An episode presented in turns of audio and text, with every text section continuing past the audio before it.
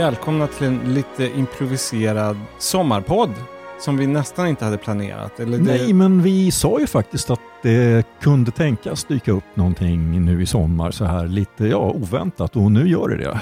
Det dök upp någonting som en vit haj på en badstrand på Long Island. Barbenheimer. Ja, som då är en blandning av Oppenheimer och Barbie, filmerna som råkar ha premiär samma dag och internethumor har gjort detta till Barbenheimer. Jag ska säga att, eh, kände du till att du heter Johan Andreasson? Japp. Jag heter Göran Everdahl. Den som inte är här är ju då CG. Var är han, Johan? Min gissning är att han är på Gotland.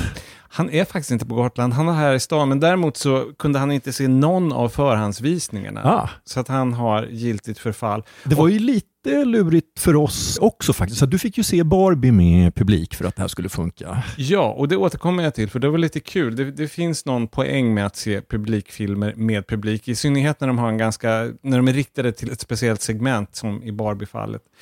De har premiär samma dag och anledningen att folk har gjort sig lustiga av det här och gjort eh, låtsastrailer för båda filmerna samtidigt och eh, låtsas filmaffischer med Barbie och ett eh, svampmoln och så vidare.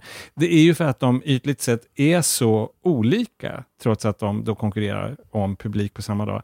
Det är manligt mot kvinnligt och det är tragiskt med den här atombomben mot tramsigt, seriöst mot flamsigt och det är atombomb mot rosa plastpumps och till råga på allt, det är ju två uppburna och intressanta filmskapare. Ja, det är ju det. Och dessutom, nu har ju faktiskt filmerna visats några dagar och jag försökte kolla åtminstone hur, hur går det här i USA och den, den här hypen verkar ju fungera. Så det ser ut som att det är enorm publiktillströmning till båda filmerna, väldigt mycket tack vare den här, eller det är väl inte ens en rivalitet, utan det är bara det att liksom en rolig grej att ta båda, ja kanske samma dag eller som vi, som vi har gjort några dagar efter varandra. Christopher Nolan då, som har regisserat Oppenheimer, han har till och med sagt att han ska minsann köpa biljett till Barbie och så vidare. Greta Gerwigs inställning till Oppenheimer känner inte jag till, men jag gissar att de det är inte som att det hade varit Mission Impossible mot James Bond, utan det här är ju verkligen två helt olika väsensskilda filmer. Fast hon kanske bara gör en film om atombomben om en atombombstillverkare står för budgeten. det, var, det, var, en intressant vinkel, det hade jag inte tänkt på. Men vi, vi kanske återkommer även till den frågan om hur väsensskilda de här filmerna egentligen är. Men vi börjar med Oppenheimer.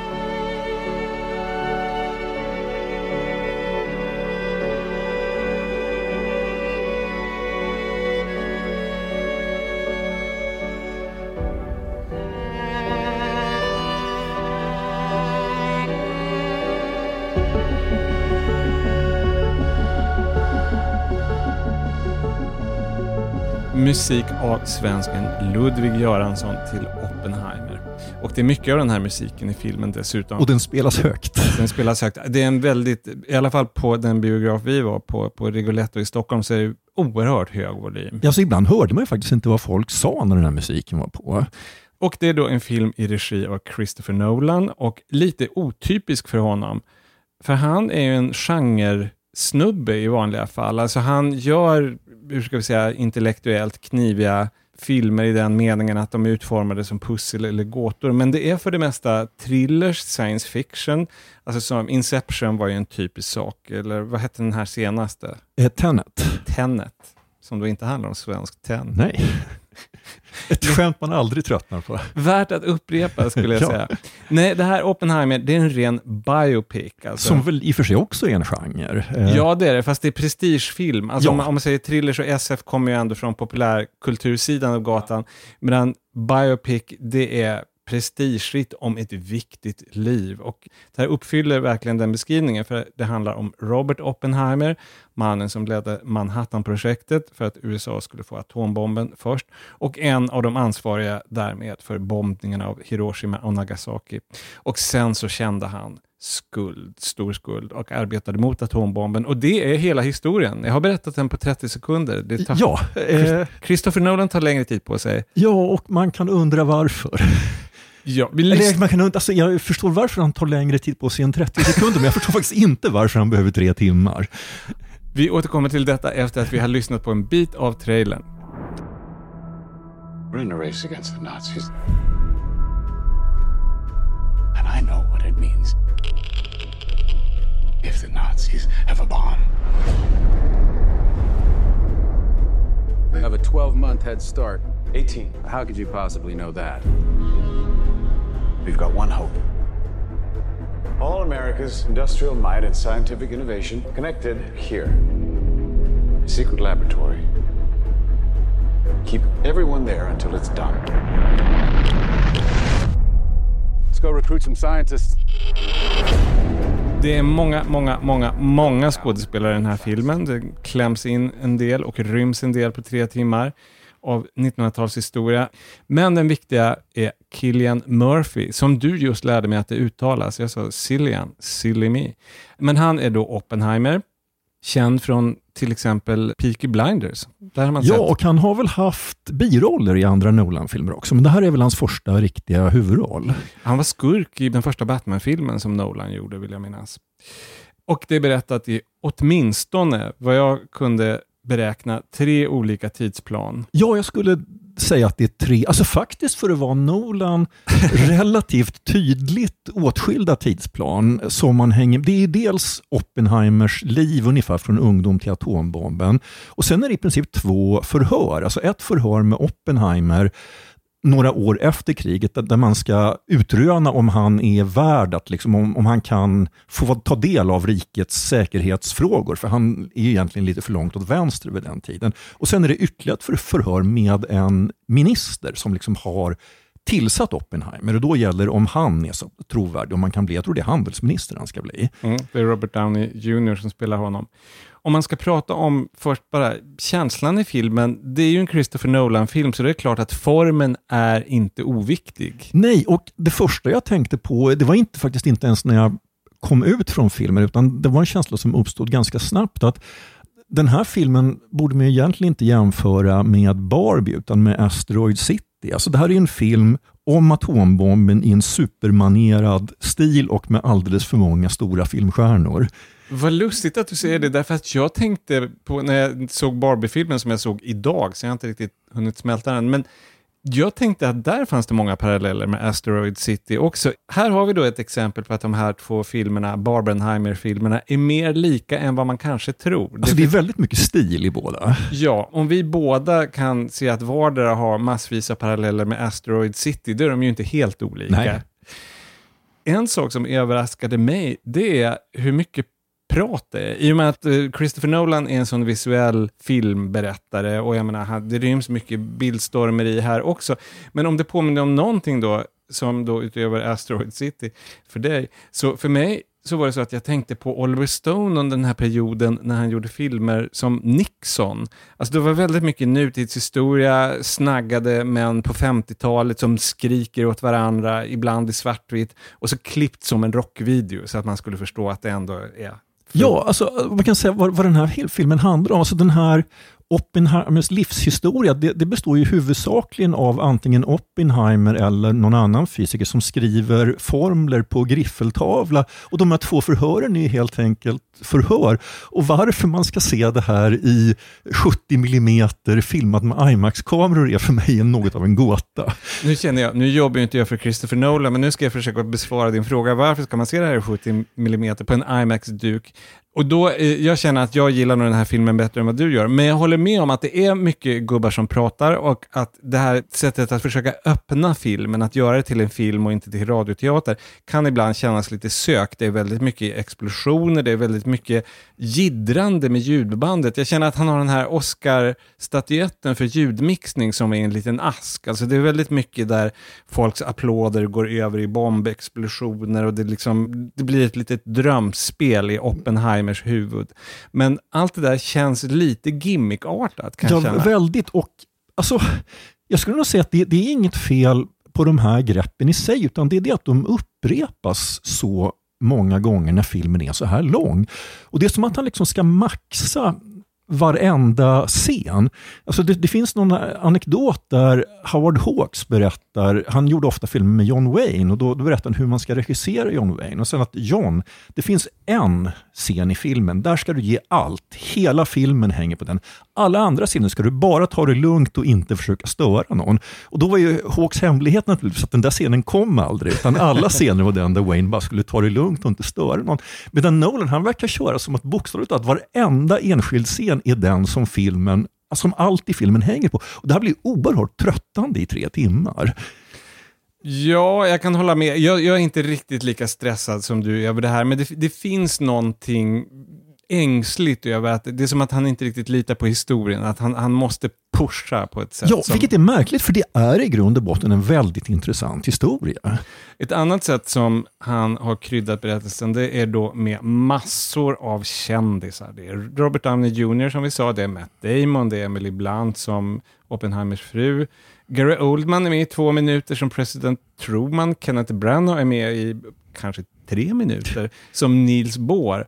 Och jag är den första att medge att det här är en marginalanmärkning, men jag kan tycka att det är distraherande. Det är som en sån där eh, spektakelfilm från 1950-talet, jorden runt på 80 dagar, ja. eller Mannen från Nasaret, där det plötsligt, oj, den där centurionen som gick förbi, var, var inte det John Wayne? Exakt. Så var ja. det jo, det är väldigt mycket den känslan. Men samtidigt så är det ju rent tekniskt och hantverksmässigt så är det ju en fröjd. Alltså det är ju en glädje att se någonting som bara är så, som de säger i Project Runway, so well made.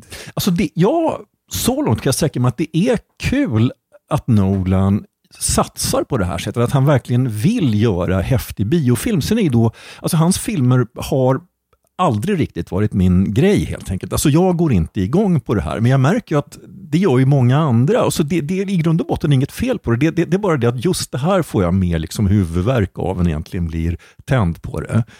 En sak som jag uppfattade som att du blev tänd på, och eh, även jag, det visste jag i och för sig tidigare att det var, det var att i samband med att vi såg den här filmen så kom jag på att jag har ju faktiskt på DVD en pjäs, en brittisk tv-pjäs, eller tv-överföring av en pjäs som heter Copenhagen, Köpenhamn. Den gick även på Dramaten. Stor succé på någon gång på 90-talet av en författare som heter Michael Frayn. Och Det som är kul med den är att den behandlar lite grann samma frågor, men en, ur en helt annan vinkel. Det handlar om Niels Bohr och eh, vad heter han, Heisenberg? Ja, Heisenberg. Och båda de förekommer ju i den här filmen också. Alltså Niels Bohr är till och med med där i Palo Alto och utvecklar atombomben. Och Heisenberg han sitter ju då i Tyskland och ska, utveckla, och ska skapa nazisternas atombomb. Han är Oppenheimers spegelbild. Han är Karla om Oppenheimer är Smiley kan man säga. Det roliga med Copenhagen är att den tar upp ett liknande ämne, det här moralen som en vetenskapsman måste på något sätt stångas mot i en sån här situation, när han låter sina ekvationer gå i dödens tjänst. Men den är ju då märkligt nog, eftersom den är ganska komplicerad, Copenhagen också, alltså man får liksom vara vaken när man ser den, men jag tycker att den är mer begriplig. Ja, absolut. Och alltså det är också det är sån otrolig kontrast just i hur filmerna är berättade. Att Copenhagen är väl gjord, det är, det är väl i stort sett tre skådespelare. Det är Nils Bohr, det är Heisenberg och det är Bohrs fru. Och Eh, de promenerar och pratar och det är i grund och botten vad de gör i Nolans film också, bara att det liksom smäller och brakar mer hos Nolan. För mig var den stora skillnaden att Michael Frayn, då, dramatikern, att han lyckas göra kvantfysiken till nästan en fjärde person på scen. Alltså det är så viktigt, vetenskapen bakom. Och kvantfysik är då ökänt svårbegripligt, men i den här tiden som pjäsen pågår så känner jag i alla fall att jag greppar vissa av grunderna och osäkerhetsprincipen och, och han hittar paralleller mellan mellan de här fysiska abstrakta principerna och de moraliska problemen som uppstår. Det, det är väldigt fiffigt och brittiskt gjort. Ja. Det finns liksom, jag menar, alla från Ellen Aikburn till Joan Fowles arbetar på det här oerhört, hur ska vi säga, Agatha Christie, mm. att skapa de här liksom, byggena, berättarbyggena. Och det gör ju också Christopher Nolan, han är ju besatt av sånt. Det är bara det att ekvationerna i Oppenheimer blir aldrig mer en kladd på svarta tavlan. Nej. Det handlar om hans privatliv och hans älskarinnor och hans problem därför att han hade vänstersympatier före kriget, vilket kommer att spöka då under 40 och 50-talet.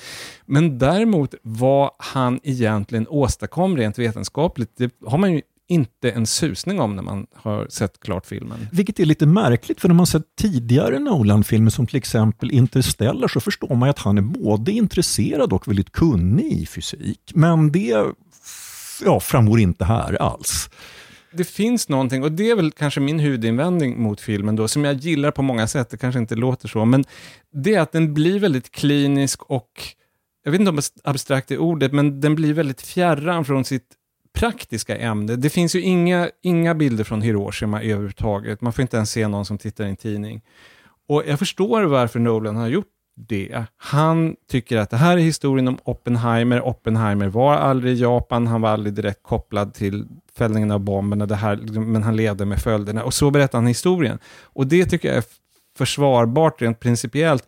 Men grejen är att Oppenheimer såg naturligtvis bilderna från Hiroshima på alla döda människor. Hela världen såg de här bilderna. Vi gör det inte i filmen.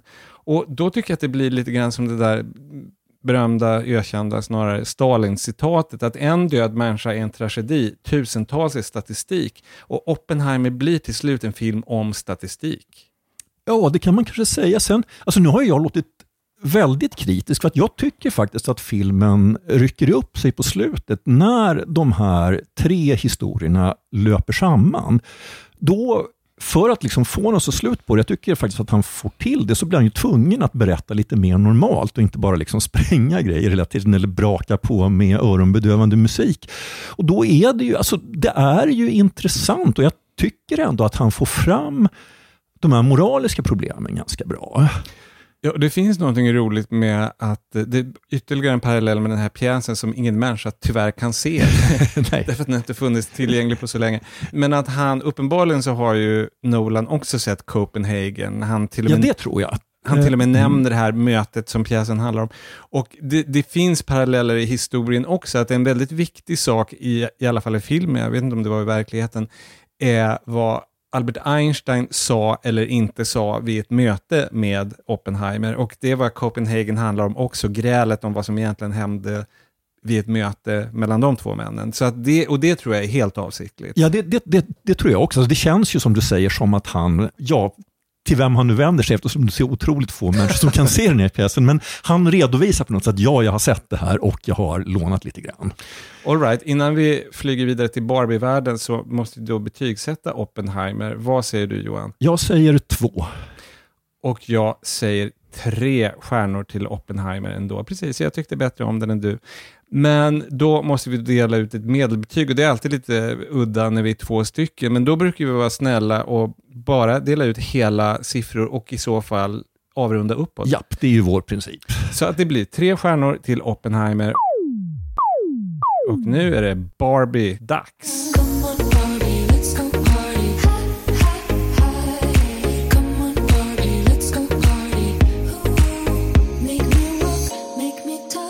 Det gläder mig att kunna säga att den låt man egentligen vill höra, det här Barbie är en film som är full av musik och liksom lite poppigt, men naturligtvis får man höra Barbie Girl med Aqua över eftertexterna.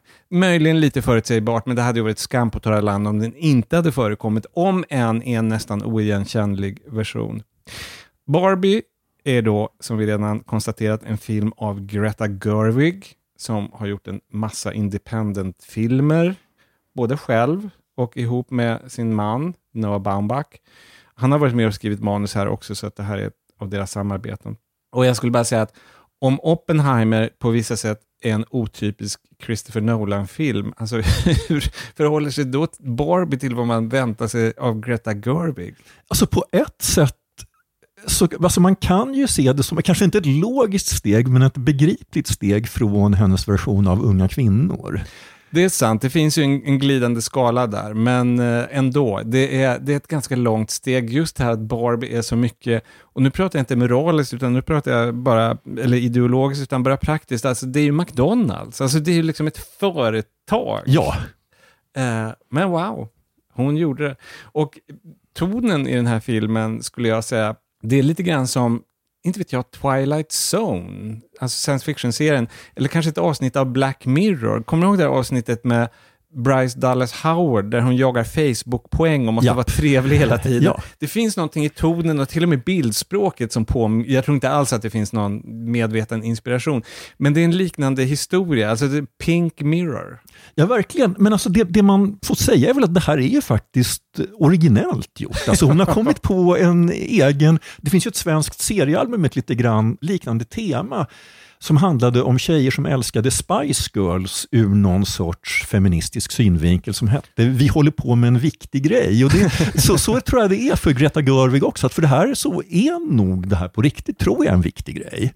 Handlingen här då, det är att Barbie, som spelas av Margot Robbie, hon bor i sin Barbie-värld där allting är rosa och där alla kvinnor är olika slags Barbie. Och det är ett rent matriarkat kan man säga. Det är kvinnlig president och högsta domstol.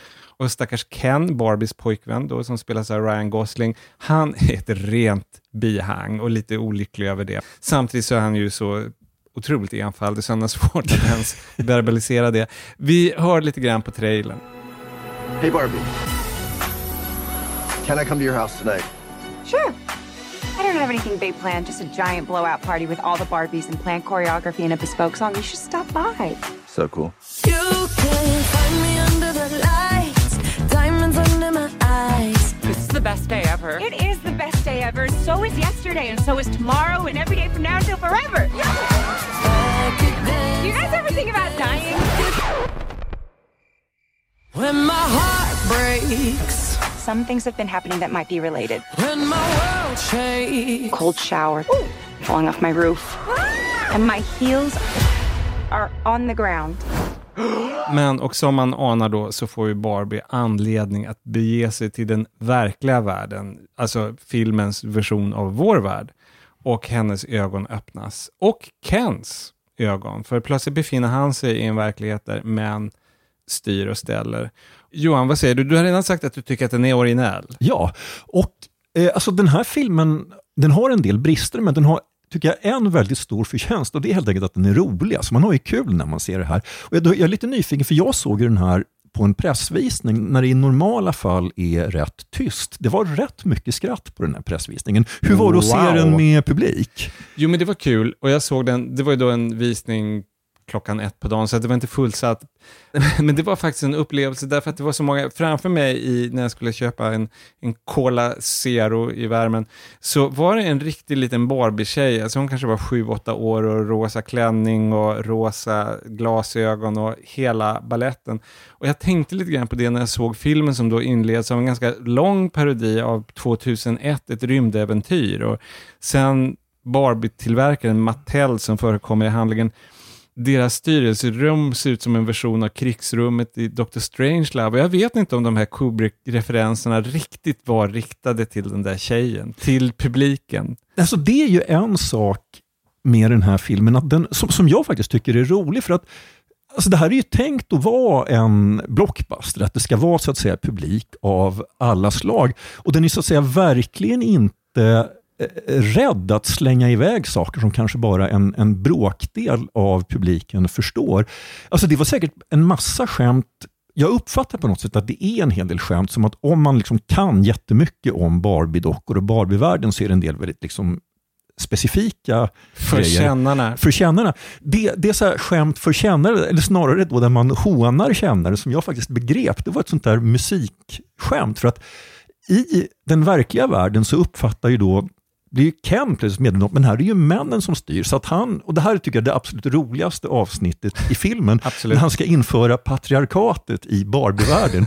och en sak som händer då är just att någon av de här Ken-dockorna blir en sån här supertråkig musikbesserwisser och börjar hålla en föreläsning om hur Lou Reed förhåller sig till någon ganska obskyr musiker som heter Steven Malkmus och hur de förhåller sig till ett ännu obskyrare band som heter The Fall. Och jag förstår faktiskt alla de här tre referenserna för jag känner en del sådana här människor och jag skrattar ju åt det här men jag undrar, ja, Du är självklart inte en sån människa själv. nej faktiskt inte med just de artisterna, jag kan säkert vara sån med andra. Jo, men filmnördar får sig en släng av sleven. Ja, ja. Män som mässar om Gudfadern. ja men det är ändå begripligt på ett helt annat sätt. Jo, det, det, det är ett av de bredare skämten. Ja. Men av allt det här så förstår man ju att det är ju inte riktigt en barnfilm. Alltså det är väl bit, eller ja, det, var, det var därför jag frågade dig, för att hur, hur upp, för det var, jag tror ett barn på pressvisningen. Ja, alltså jag hörde inte så... Vad vet För man märker ju i regel liksom en stämning hos en publik. Jo, men det var god stämning, men däremot så hörde jag inte så mycket just barnskratt. Alltså när jag, jag satt nästan längst fram och när jag reste mig upp då i den här stora salongen på filmstaden Sergel och vände mig om, då såg jag, men herregud vad mycket barn det var. Alltså det var en stor andel av publiken, men de hörde jag faktiskt inte så mycket av. Ah. Utan när det var skratt och sådär, då var det nog huvudsakligen vuxenskratt. Det här är ju helt ovetenskapligt. Ja, ja. Jag har ju inte på något sätt några siffror att stödja mig på i det här sammanhanget. Men alltså jag håller med, alltså, det finns någonting väldigt oavbrutet underhållande och klurigt över det hela. Och liksom hur den här Barbie-världen är utformad med att det finns inga väggar i Barbies drömhus. Därför att det gör det ju inte i leksakerna heller. Nej, alltså det där är roligt och att det finns, eh, ja, alltså det finns ingen vätska när man dricker. Alltså det är en chock i den eh, verkliga världen. Där märker man, det tycker jag faktiskt är kul, att Greta Gerwig då naturligtvis var en Barbie-girl. När hon var en liten flicka så lekte hon med Barbie och det här är skrivet av någon som själv har lekt med Barbie. Just det där med att det inte finns vatten, att de dricker på låtsas och liksom allt det där. Det tror jag att man kanske själv måste ha varit någon som lekte med de här dockorna för att på något sätt ens få med. Att, Ja, det tror jag, men alltså det går fram. Alltså just det här lekfulla, att det verkligen finns en berättarglädje, det går ju fram, tror jag, till vem som helst som ser den här filmen. Samtidigt om jag då ska ta på mig mina kritikerglasögon så kan jag känna att det med det här jämförelsen mellan matriarkat och patriarkat. Det är roligt fram till en viss punkt, men det blir också det, det på något sätt haltar lite grann mellan det tramsiga och det, det blir lite preachy. Det, blir, det hålls lite tal som jag känner att ja, men det hade väl de hade inte behövts, budskapet går fram ändå. Nej, för det här är ju så att säga filmens eller jag vet inte, det är väl inte ens ett dilemma, det ingår på något sätt i förutsättningar. Men alltså, det första är att det är ju trots allt ändå i grund och botten en reklamfilm för leksaker. Ja. Och vi har ju sett några sådana här prylfilmer tidigare i år. Alltså, den är ju oerhört mycket roligare än är till exempel, som är en reklamfilm för skor. eh, sen, vi har ju också sett Blackberry och den hade den stora fördelen att det finns ju inga Blackberry-telefoner att sälja till folk längre. Och Det gör att de kan förhålla sig mycket friare. För att jag tycker att man märker ändå att, det, för att den här filmen skojar ju väldigt friskt med Barbie-världen, men det finns ändå vissa saker som den ju ändå inte kan göra i och med att pengarna kommer från Mattel. Och Det är dels då hur faktiskt företaget Mattel skildras. För de är ju som ett litet dockskåp fast i den verkliga världen där allt annat är verkligt. Alltså de går liksom inte riktigt... Nej, de är på något sätt hämtade ur någon Terry Gilliam-film. Ja. Väldigt stiliserad miljö. Och i den verkliga världen så är allt annat på riktigt. Och sen så tycker jag, och jag, jag vet inte om det här på något sätt ingår i hur Barbie-världen är, men alltså allt det roliga handlar ju på något sätt om Ken. Och jag vet inte om det är medvetet eller om det bara har blivit så. Och sen Alltså- tycker jag, det, det är också faktiskt en, alltså det är den bästa castingen sen Arnold Schwarzenegger var Terminator, att ha Ryan Gosling som Ken. Alltså det är genialt. Han är perfektion. Ja. Vad bra. att- För jag skulle just komma fram till, vi måste prata om Ryan Gosling som Ken. Hur fenomenal är han?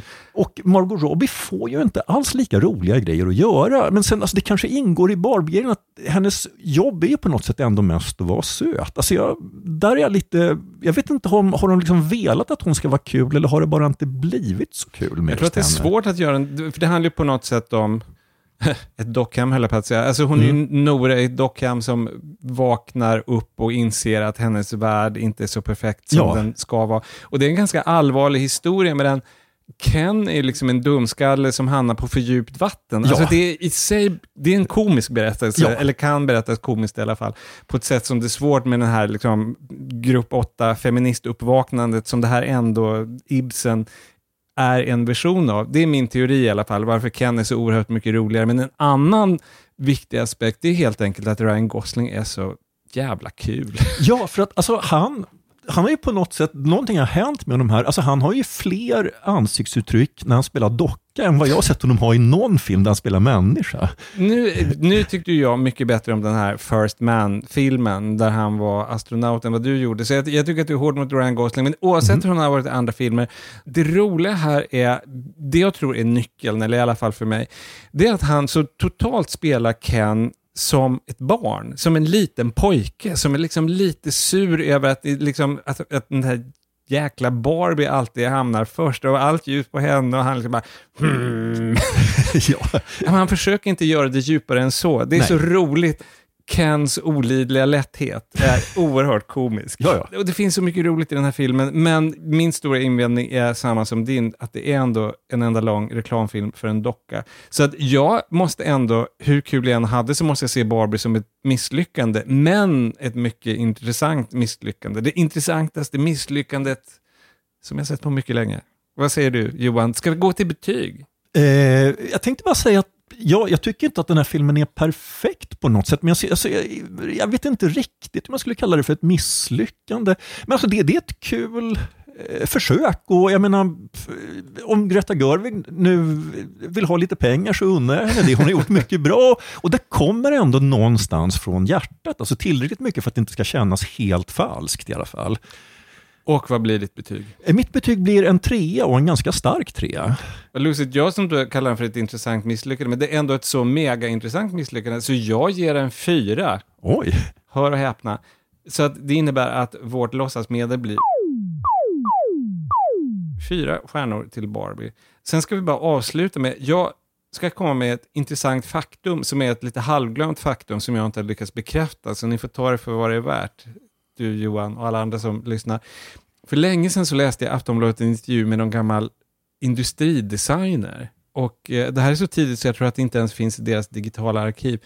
Och jag minns inte vad han hette. Men han var känd då, det här var på 1980-talet, för två saker. Att han under kriget så hade han, han gjorde gjutformar, det var hans grej. Och under kriget så var han inkallad. Och då fick han det historiska uppdraget att göra gjutformen åt de första atombomberna, alltså Hiroshima och Nagasaki. Själva helt enkelt fodralet, det som släpptes ner och inuti var det radioaktiva materialet. Så det gjorde han. Och efter kriget så blev han naturligtvis civil och då jobbade han med gjutformar åt plast. Och vad var hans största uppdrag där? Jag tror jag kan gissa. Original Barbie. han var the original Barbenheimer.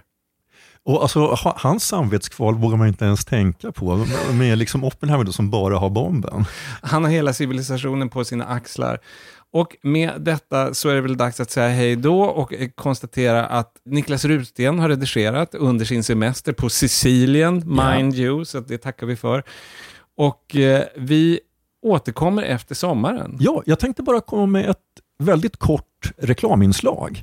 Det är så att tidigare i år så ordnade ju Lennart Wretlind, alltså Lennart Wretlind, den legendariske musikjournalisten, två visningar av filmen Monterey Pop, alltså från den här klassiska musikfestivalen 1967 på Sita.